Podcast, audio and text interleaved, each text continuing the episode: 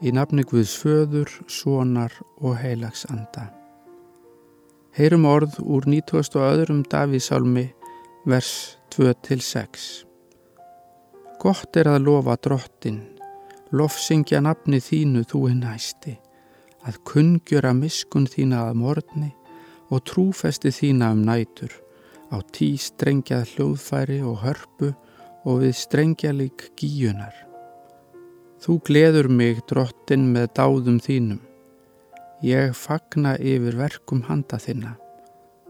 Hversu mikil eru verk þín drottin, hversu djúpar hugsanir þínar. Beinum hug okkar til Guðs og byggjum. Ástríki fadir á himnum. Ég vil fá að lofa þig fyrir allt sem að þú hefur gert í lífi mínu. Ég lofa þig og tegna þig vegna þú, þess að þú hefur synt mér miskun og tekið mig að þér í skýrninu og gert mig að barni þínu.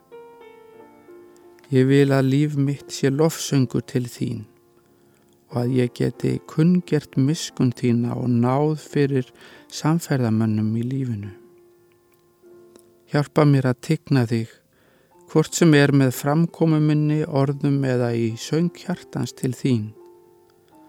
Þú ert uppspretta gleði þegar ég sökvi mér ofan í allt sem sagt er í orði þínu.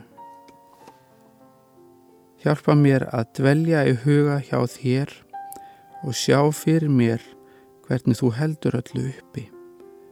Hugsanir þínar Guð eru djúpar og ég skilðar ekki allar, en leif mér að kvíla í nálag þinni í dag. Leið mig og stið mig og gef mér þinn frið og lát mig finna kærleika þinn í lífi mínu í dag. Guð, blessa mig og varðveit á sálu og lífi, þennan dag og alla tíma, í Jésu nafni. Amen.